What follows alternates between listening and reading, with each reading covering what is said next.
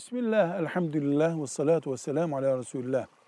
Dosya masrafı, işletme masrafı, idari masraf ismiyle borç veren bir kurum para alıyor. Mesela faizsiz bir bankaya, kuruma gidiliyor. Oradan 100 bin lira bir sebeple çekiliyor. 1500 lira dosya masrafı alacağız deniyor. İdari masraf alacağız deniyor.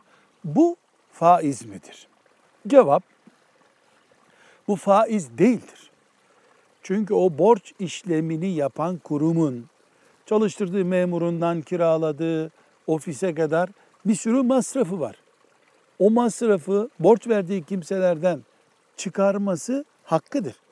Bu bir faiz kılıflandırması da olabilir şüphesiz ama faize kılıflandırmayla gerçekten dosya parası almak, idari masraf almak aynı şeyler değil.